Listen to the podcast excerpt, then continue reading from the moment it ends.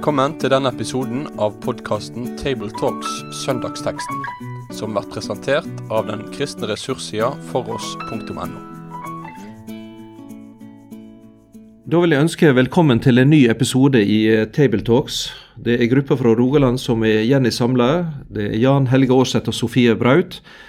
Eh, Og Denne gangen så har vi med oss eh, en gjest. Det er Magne Vatland, som ikke har vært med før. Eh, Han skal være med, og vi vil også spørre han om å lese bibelteksten til fjerde søndagen i påsketida. Eh, Bibelteksten til den søndagen den er henta fra Johannesevangeliet, kapittel 14, vers 1-12. Og Da gir jeg ordet til deg, Magne. Lat ikke hjarta dykkar uroast. Tru på Gud og tru på meg. I huset til far min er det mange rom. Var det ikke slik, hadde jeg da sagt dykk at jeg går og vil gjøre klar en stad til dykk. Og når jeg har gått bort og har gjort klar en stad til dykk, kjem jeg att og tek dykk til meg, så det skal være der jeg er, og dit jeg går, veit det vegen. Thomas sier til han, Herre, vi veit ikke hvor du går, hvordan kan vi da vite vegen? Jesus sier, Jeg er vegen, sanninga og livet. Ingen kjem til Far uten gjennom meg. Har det kjent meg, skal det òg kjenne Far min. Fra nå av kjenner det Han og har sett Han. Philip sier til han, Herre, syn oss Far, det er nok for oss. Jesus svarer, Nå har jeg vært så lang ei tid sammen med dykk, og du kjenner meg ikke, Philip. Den som har sett meg, har sett Far. Hvordan kan du da si, syn oss Far? Tror du ikke at jeg er i Far, og Far i meg? De ord jeg taler til dykk, har jeg ikke for meg sjøl. Det er Far som er i meg og gjør sine gjerninger. Tru meg, jeg er i Far, og Far i meg. Om ikke for annet, så tru det for gjerningenes skyld. Sannelig, sannelig, jeg sier dere, den som tror på meg, skal gjøre de gjerningene som jeg gjør, ja, større gjerninger enn de, for jeg går til Far. Ja, nå har vi hørt en eh, innholdsrik tekst på denne søndagen. Og eh, jeg vil tro at eh, mange av dere de har hørt og har noe, noe godt med tanke på innledninga til dette som blir sagt her. La ikke hjertet dykkar uroast, tru på Gud og tru på meg. Dette med uro og, og Eh, I den bokmålsoversettelsen som vi nå ikke las, så står det også 'å bli grepen av angst', som er kanskje et enda sterkere ord for det norske språket for dette med, med, de, med uroa. Hva er det som kan eh, ligge i det, og på en måte være grunn til dette? Det kan jo høres ut som det at vi liksom på en måte bare altså Jeg tror en del hører det litt som at, at en ikke må uroe seg, at det er nesten galt å å føle på den uroen som ofte følger menneskelivet. ikke sant? Så Noen går jo litt sånn med både en uro og så dårlig samvittighet for at de føler på uro. men Ja, Du kan jo lese det som et pålegg om at vi ikke får lov til å Eller som kristne bør vi ikke gå rundt og være urolige. Men det går jo an å snu på det og si at det er et evangelium. Vi har grunn til å ikke være urolige. Og for all del, disiplene hadde opplevd mye den siste tida. Så de hadde en, en, en, en ryggsekk av, av, følelser og opplevelser fra de dagene og i forkant, og òg den, denne dagen mens Jesus snakket til dem. Jesus hadde blitt hylla ved inntoget i Jerusalem på palmesøndag, og så så de motstanden som vokste. Og, og Jesus hadde advart at det var en av disiplene som skulle forråde og Han hadde sagt at uh, han skulle dø. og han hadde sagt at Peter kom til å fornekte han, og, og han visste at eh, om noen timer så ville han bli arrestert sjøl og, og, ville blitt, bli hengt på korset. Sånn at han så at, at disiplene var urolige, og at de kom til å bli enda mer urolige. Og han, og han ville på en måte berolige dem med at, uh, at han har ting under kontroll. Ja, jeg tror oss er enige om at vi lever også i en tid som er krevende. Det er mange ting å bli urolige og redde for. Du Sofie, du arbeider blant uh, ungdommer her på Tryggheim. Hva er det ungdommene er redde for? Du vet, Uro det følger liksom menneskelivet, og ungdommene de de er jo uro, urolige jeg tror jo en del er urolige med tanke på den eh, situasjonen som er nå, med krig og med eh, En del har jo vært mye urolig pga. ting som handler om miljø, og eh, holder liksom hele naturen på å bukke unna. og Det er jo mange spørsmål oppe og knytta til identitet. Det er så utrolig med krav om at du skal finne deg sjøl fra A til Å. Du skal ta stilling til, til hva kjønn du har, og det sier jo noe om hvor fundamentalt det der kravet om å definere seg sjøl har blitt. Så jeg tror det er mye av den der indre uroa og så I tillegg har du all den der ytre uro som kommer gjennom overskriftene som en har, har, rundt seg. Så eh, nå som før så er det, er det nok mange grunner til uro mellom både ungdommer og alle andre. Jesus han er nå inne på i bergpreika, det, og dette er nå gamle ord, så det er ikke noe forskjellig fra oss. Eh, men han nevner å være urolig for livet. Altså dette som angår hverdagen. og hva en skal ete og drikke, og kroppen, og hva en skal ha på klær, og hvordan en klare seg med økonomien og alt dette praktiske tinga. Så det er egentlig ikke noe forskjell i enten en, en er nå eller om en levde før. Og det handler vel egentlig en god del også om framtida vår. Hvordan, hvordan en handler om morgendagen, og hvordan skal det gå med meg og mitt. Uh, og så er det en, en, angst til som er på en, måte på en litt annen bane, kan jeg si, og det handler om dette med en som menneske i forhold til Gud. Eh, I, Salme 31 i Davidssalmen så hører dette ropet eh, at jeg sa i min angst, jeg er støtt borte fra dine øyne. Det kan også være noe som en kjenner, i alle fall som kristen også. Er virkelig Gud holder han ut med meg? Eller vil han vende seg bort i min, min hjelpeløse og alle mine nederlag og fall? Og så kjenner oss det til at det var en som virkelig i full angst ropte dette ut, og han hadde grunn til det. Mm. Det var Jesus sjøl på korset. Mm. Eh, min Gud, min Gud, hvorfor har du forlatt meg? Eh, så denne som nå sier 'la ikke hjertet uroast', han er virkelig en som har smakt eh, egentlig angstens fulle tyngde mm. med tanke på gudsforlattheten. Så det, han kjenner godt det hva det går i. Absolutt, og det er jo litt av en Vi var jo litt inne på det her før, før opptaket, at, at Jesus sitt perspektiv her til og med med den enorme prøven han sjøl vet at han står overfor, så har han allikevel omsorg for, for sine her. Det er jo òg òg noe å merke seg. Ja, han, eh, han veit at om noen timer skal han bli arrestert og hengt på korset, og så har han omsorg for disiplene sin, eh, sin bekymring. Og så syns jeg det er interessant at han begrunner denne, eh, denne setningen, da, La at ikke hjertet deres uroes. Han begrunner det med hvem han er, og, og at han, han, han peker imot uh, mot himmelen i praksis. Han, han, går for å gjøre klar en plass, og han skal komme igjen og hente sine. Um, og Jeg har tenkt på det av og til hvis jeg har hatt andakt om, om denne teksten òg, at um, av og til hvis jeg leser en roman, så les, lever meg så kolossalt inn i det som står, at jeg, jeg kan bli helt sånn orker ikke å lese det. Det blir så, det blir så fælt hvis det skjer mye fælt med, med hovedpersonen som jeg har levd meg inn i. Og så, og så har jeg ikke lyst til å legge boka ifra meg heller, så da blir jeg av og til opp på den siste sida for å se hvordan det går til slutt. Um, og Hvis jeg ser at det går godt til slutt, da får jeg på en måte kraft til å lese videre. Og Sånn er det på en måte med livet vårt. Vi kan, eh, vi kan lese Johannes' åpenbaring, og så vet vi hvordan det går til slutt. Vi vet at hvert kne skal bøye seg, og hver tunge skal bekjenne at Jesus Kristus er Herre. Vi leser om en skare så stor at ingen kan telle den. En som skal komme og tørke tårene av, og døden skal ikke være med, og synd skal ikke være med. Eh, så vi, vi, vi vet hvordan det skal gå, og dermed har vi en kan vi eie en trygghet på tross av alt det vi møter, og alt det vi ser eh, i oss og rundt oss og i verden.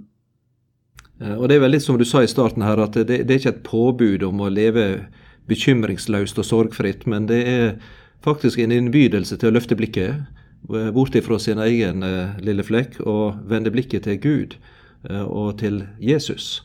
Og ta, ha tillit til det han har både gjort og lovt. Det er der en finner det faste punkt. Eh, som oss trenger også i dag i det moderne mennesket. Eh, ja, jeg, eh, så er innbydelsen framover. Jeg, kanskje jeg kan ta med Jeg hadde en gammel kristen mann jeg var, ble møtte for noen år siden. Han, han hadde hatt en sånn vanskelig tid med alvorlig sykdom og kreft. ble operert. Og, og når jeg møtte han, så var ikke han god. Han var da skulle av gårde til en ny, ny runde med undersøkelser. og, og Det, det virka som det var alvorlig. og Jeg husker jeg sa til han at ja, men jeg håper det går bra med deg. Uh, og da sa den gamle mannen at det gjør det uansett. Han hadde akkurat det her som Jesus hadde. Han hadde en hvile, en slags trygghet midt i en alvorlig sykdom. Tro på Gud og tro på meg. Og der hadde han funnet det faste punktet. Ja, Sofie, vi satt litt i stad og, funderte på dette huset, da. Uh, og disse rommene og dette bygget. Nå har vi ser for oss kanskje et, et, et byggverk her i, i Rogaland. Eh, hva, hva, hva det går i?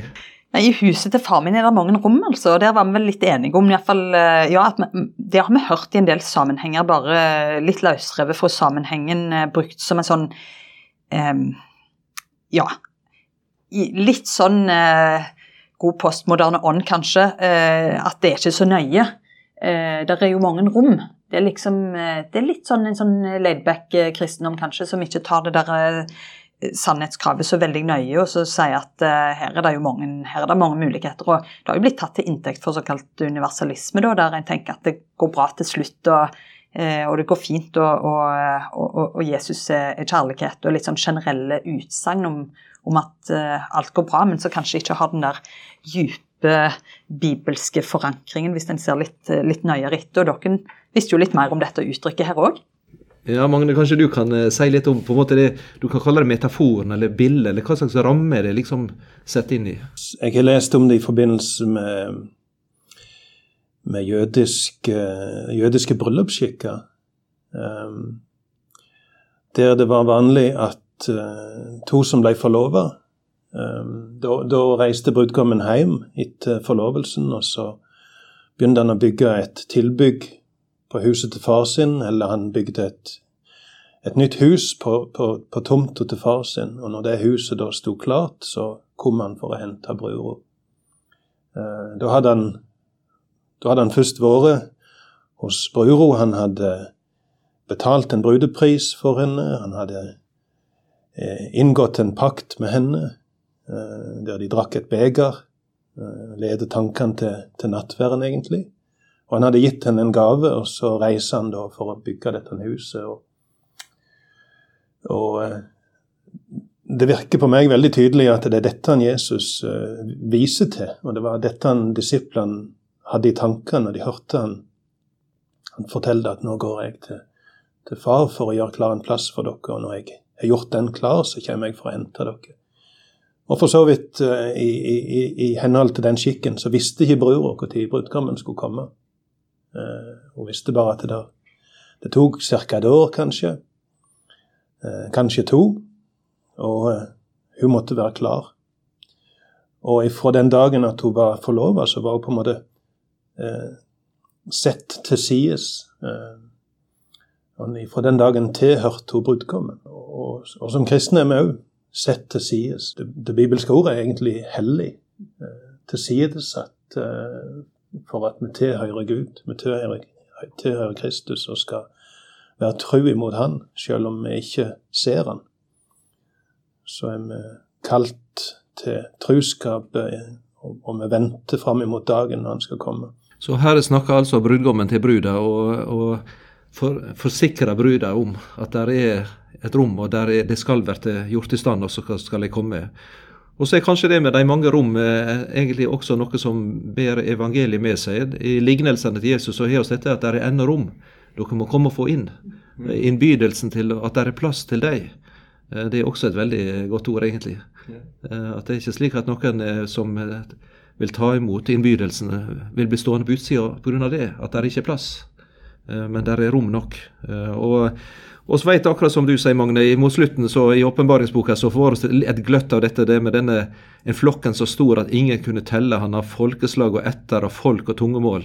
Der er sanne litt av en eh, forsamling som sprenger alle våre grenser, iallfall av det vi har sett eh, i våre øyne. Det er himmelen. Der er plass nok til alle som tar imot. Eh, så eh, denne, dette løftet, eh, altså forpliktelsen og du, du, nevnte på også at det er en ekte pakt som inngås eh, mellom brud og brudgom. og den står fast. Det er vel noe av det som Kristus har båret med seg her. Hvordan er den på en måte gjennomført?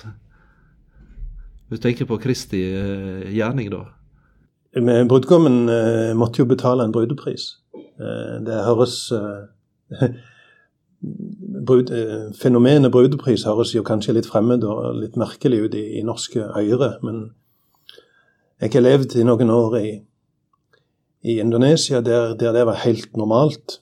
Der, eh, der du betalte en, en, brudepris. Mahar kalte de det på batak-språket. Eh, og, og, og, det var ikke snakk om at nå skulle bruden på en måte være brudgommen sin eiendom, og han kunne herse med henne sånn som han ville. Men det var, det var et uttrykk for, eh, for eh, at han setter pris på henne. Det var, det var et, eh, et, uttrykk for at han var villig til å ofre. Vi kan jo trekke linja til, til Golgata. Det er jo en, en, en, Jeg tenker det er der Jesus betalte brudeprisen. Det var det Han, han, han hang der, og han, han lei gjennom den mest fornedrende og smertefulle død som, som noen gang har vært oppfunnet. Eh, og så sier han eh, til telestei, Det er betalt til fulle. Det er det han På gresk står det at telestei, som er på en måte det du sier når du har betalt noe, og betalt til siste øre. Eh, og så er det for så vidt interessant å trekke parallellen helt tilbake til Adam i Edens hage, som Gud lar en dyp søvn falle over Adam, og så tar han ut et ribbein fra sida hans og former Eva av det. og Ifra den dagen bærer Adam et sår, eller et arr i sida, ifra den dagen han betalte noe, ga ifra seg noe for å kjøpe seg ei brud, eller for å skaffe seg ei brud. Så, så Adam sitt sår i sida og Jesus sitt sår i sida er en parallell her som ikke er tilfeldig. Det er snakk om en brudepris. Det er snakk om å, om å betale. Eh, og for Jesus sitt vedkommende så er det en det er sitt eget liv han har betalt. Og Det er jo egentlig nydelig å høre. altså Den paktstenkningen er jo veldig fjern ifra eh, måten som, som, samfunnet rundt oss tenker om relasjoner. Der til og med ekteskap på en måte i mange sine øyne er kanskje en forbigående ting. Eh, folk kommer og går. Det er en veldig usikkerhet knytta til, til, relasjoner for mange. Og, og ofte møtes jo sånn tenkning som dette med en slags mistenkelighet òg. At det, um, ja, liksom, det ligger ofte under oss at en kan ikke egentlig stole på noen og ting egentlig ikke varer. Og så tenker jeg at en, en, Det er så viktig å dykke litt inn i den der paktstenkningen som kommer til uttrykk her. da. Uh, og jeg syns det er helt nydelig å høre om, uh, om, om, det som ligger mer til Om det som ligger mer unna for, for, uh, for de bildene som er brukt her knytta til bryllup, f.eks. Det er jo ja, det har jo endra seg litt over tid, og det å hente tilbake noe av den der dybden i det, det er jo ja. Ja, og når Bibelen snakker om kjærlighet, eh, så er det kanskje et ord vi forstår ut ifra hvordan ordet blir brukt i, i norsk talemåte og tradisjon, men, men, i bibelsk sammenheng er kjærlighet først og fremst Guds truskap imot sitt paktsløfte. At han med en ufattelig trufasthet tar seg av de som han har knytta seg til med en pakt. Det, det, det er bibelsk kjærlighet. Og så blir denne paktinngåelsen og dette paktsløftet leda ut videre i Jesu undervisning. At det er en himmelsk far, og her er brudgommen, sønnen. Han er i ferd med å hente hjem sin brud. Eh, og hun skal få et heim og en ny far, og en plass å høre til der hun skal få bo. Eh, og så blir hun gjørende klar, og nå skal det, en få komme dit. Det er virkelig det er plassen. Og da snakker Jesus om veien. Eh, at det, det er ei vandring og se på vei mot noe eh, utover vårt eie, og som ligger der framme. Forberedt og klart. Og her kommer da Jesus inn med dette ordet om veien, og som han da egentlig også bruker på seg sjøl. At han er veien inn i denne heimen denne, med den himmelske Far og det evige riket, Guds rike. Eh, Thomas er tydeligvis Nå har akkurat hatt han i søndag på, i påske med dette her at nei, han vil sannelig både kjenne og se og føle. Han blir ikke så lett overbevist. Og her er han det, også denne spørrelsen. Eh, han spør, den spørrende hvordan kan oss vite? Hvordan kan oss være sikre på eh, hva veien fører, og hvor det går? Eh, og da kommer Jesus med dette et veldig sterke utsagnet sitt. Eh, er det, dette her er nesten litt kontroversielt. Jeg er veien, sanninga og livet. Ingen kommer til far uten gjennom meg. Det er krav om eksklusivitet her, og, og det er jo ikke akkurat noe. Ja, det I tidligere tider òg har det vært problematisk, men i vår, i vår kultur er det iallfall altså, Sannheten har blitt subjektiv. Folk tenker at 'jeg har min sannhet, du har din'. Og det, det spørres jo kanskje ikke så ofte etter, etter sannheten med store S og i bonden form eintall på den måten. For jeg tenker at er greit at mange ting er sanne samtidig, men det er jo veldig langt fra en bibelsk tenkning her. Og, og, det er viktig å la seg utfordre litt av det Jesus sier her. tenker jeg. Det er, jo, det er jo et ord som er så mye sitert. Sånne ord så det blir vi jo fort litt sånn Vi bare sier det i full fart på en måte, og, så, og glemmer litt av hvor egentlig sterke ord det er. Sterke ord det er. Ja, Hvis jeg skal beskrive vårt samfunn og vår tid, jeg bruker dette fremmedordet pluralisme. Det er liksom de mange sannheter og de mange tenkninger, og mange religioner og mange veier, og alt skal liksom respekteres og være like bra. Mm. Men eh, Jesus' i utsegn her utfordrer det sterkt. For han eh, understreker nå dette med veien, at ingen kommer til far uten gjennom meg. Og da må en si, som du sa, Magne, er dette en begrensning, eller er det en mulighet? Hvordan skal vi oppleve dette? Eh, og så er det viktig at det er viktig å være obs på at dette er ikke et, et enkeltstående vers på en måte som, eh, som, står i strid med noen ting annet som du leser andreplass i Bibelen. Det, det, er på en måte fullstendig i pakt med all bibelsk uh, hele, hele Bibelen sitt innhold. Du, du finner det òg uh, i apostelgjerningene 4 vers 12 f.eks. Det er ikke frelse i noen annen. For under himmelen er det ikke gjeve mennesket noe annet navn som vi kan bli frelste ved, sier, Peter i, der i uh, møte med rådet. Eller du kan finne det i, uh, i uh, hos Paulus i 1. Timoteus 2, vers 5. For Gud er én, og én mellommann er det mellom Gud og menneske, mennesket Kristus Jesus. Han som gav seg sjøl som løsepenge for alle. Det var vitnemålet da tida var kommet. Eh, så I, eh, I Gammeltestamentet så ser du jo advarsel eh, stadig vekk imot avgudsdyrkelse. I vår tid har vi pluralismen som en, som en like, like farlig eh, fristelse. Og så tror jeg vi, vi, vi, kan stå i fare for å gjøre det samme feils, feilgrepet som Eva og Adam gjorde i hagen der. Der de hadde fått en hel hage med flotte frukttre og alt mulig flott til å nyte, og så kommer djevelen og på en måte tegner et bilde av Gud som ond fordi han har nekta de frukta av ett tre. Eh, og litt sånn er det på en måte i dag, der, der, der Jesus kom ifra himmelen, steig ned og ble menneske, levde det livet som vi ikke kunne leve, gikk til Golgata og døde på et kors og hang der i seks timer og ble langsomt kvelt. Og med det så åpna han en vei til himmelen, og vi klager over at det bare er én. Vi syns ikke det er nok med én vei. Jeg mener, hva slags holdning er det? Ja, det, det er den der eh, Det er et så godt spørsmål, og jeg tenker jo det er den der eh, kanskje kulturen som, som, som alltid snur eh, og vrir og vender på ting, og så ønsker å Ja, det, det er jo egentlig eh, det, når du nevnte det med avgudsdyrkelse f.eks.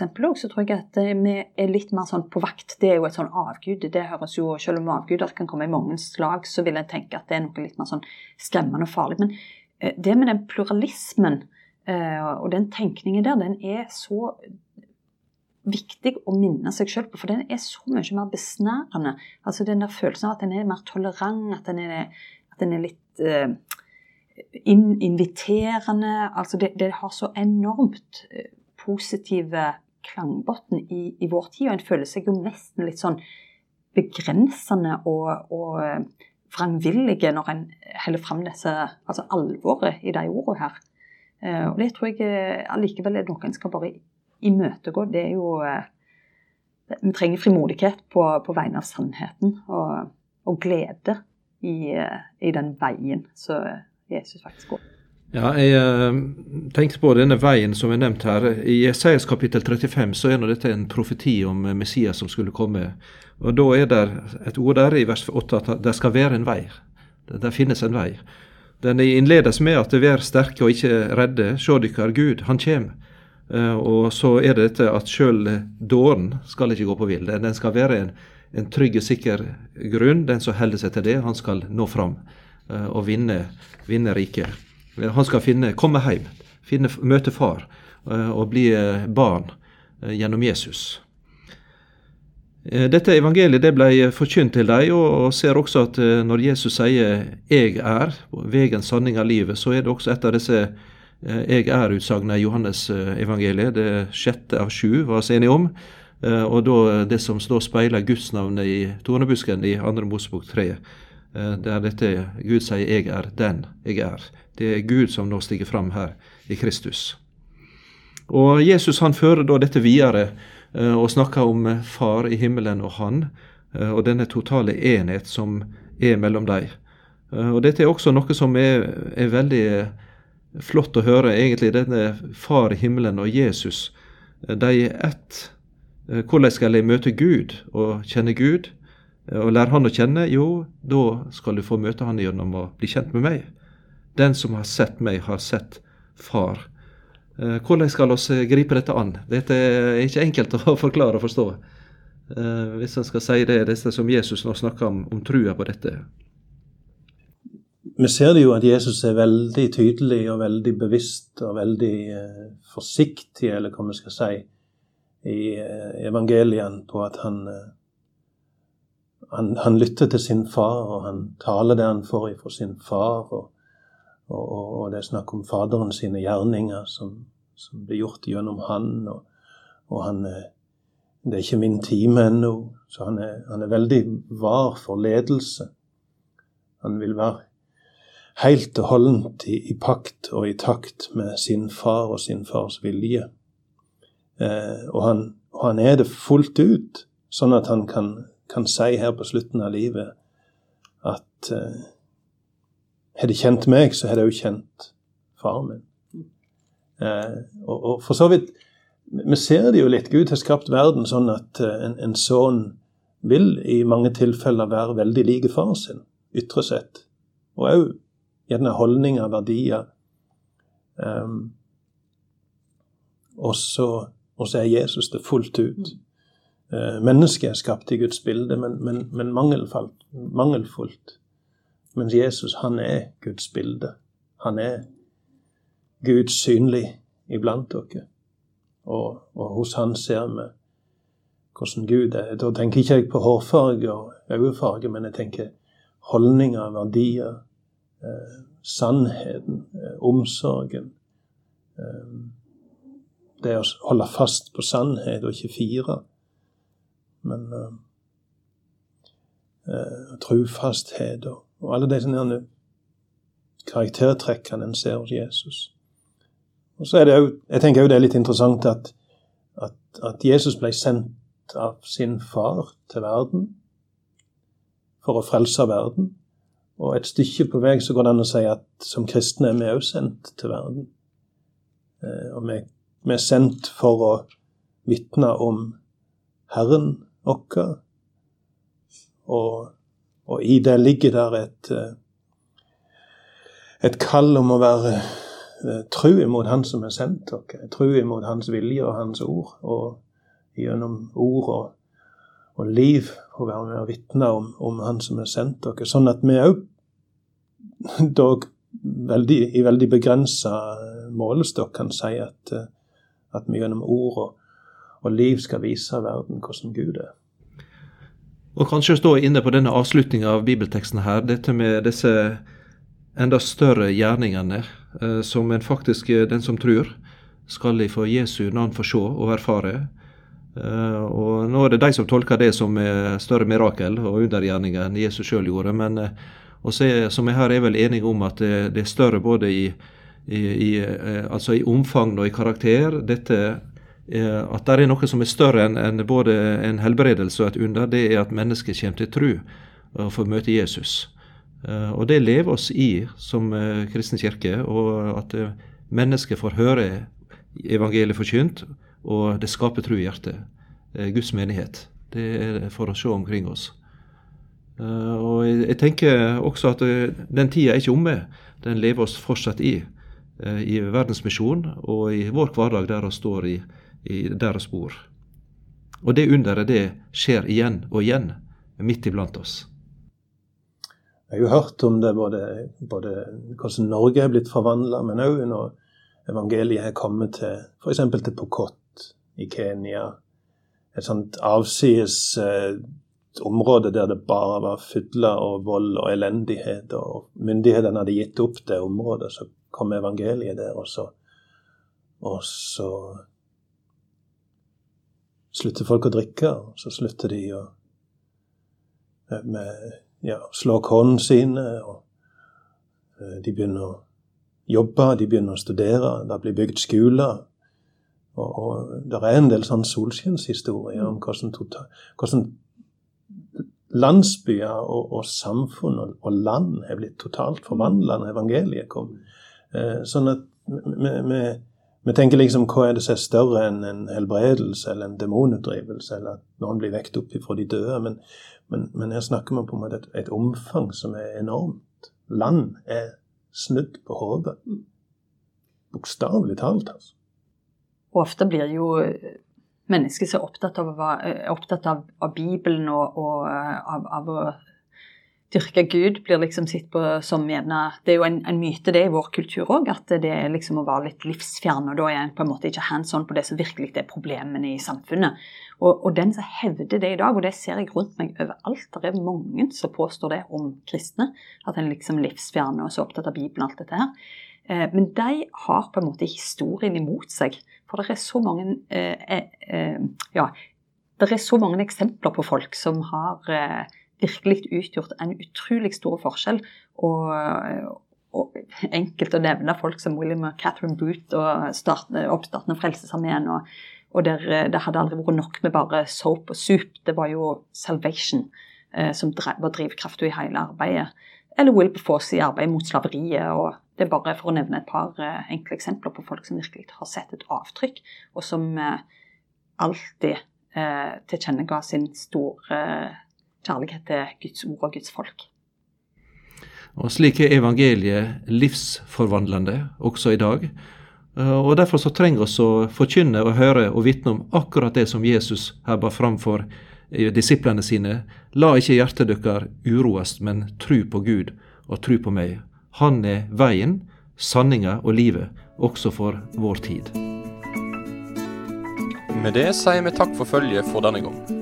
Finn flere ressurser, og vær gjerne med å støtte oss på foross.no.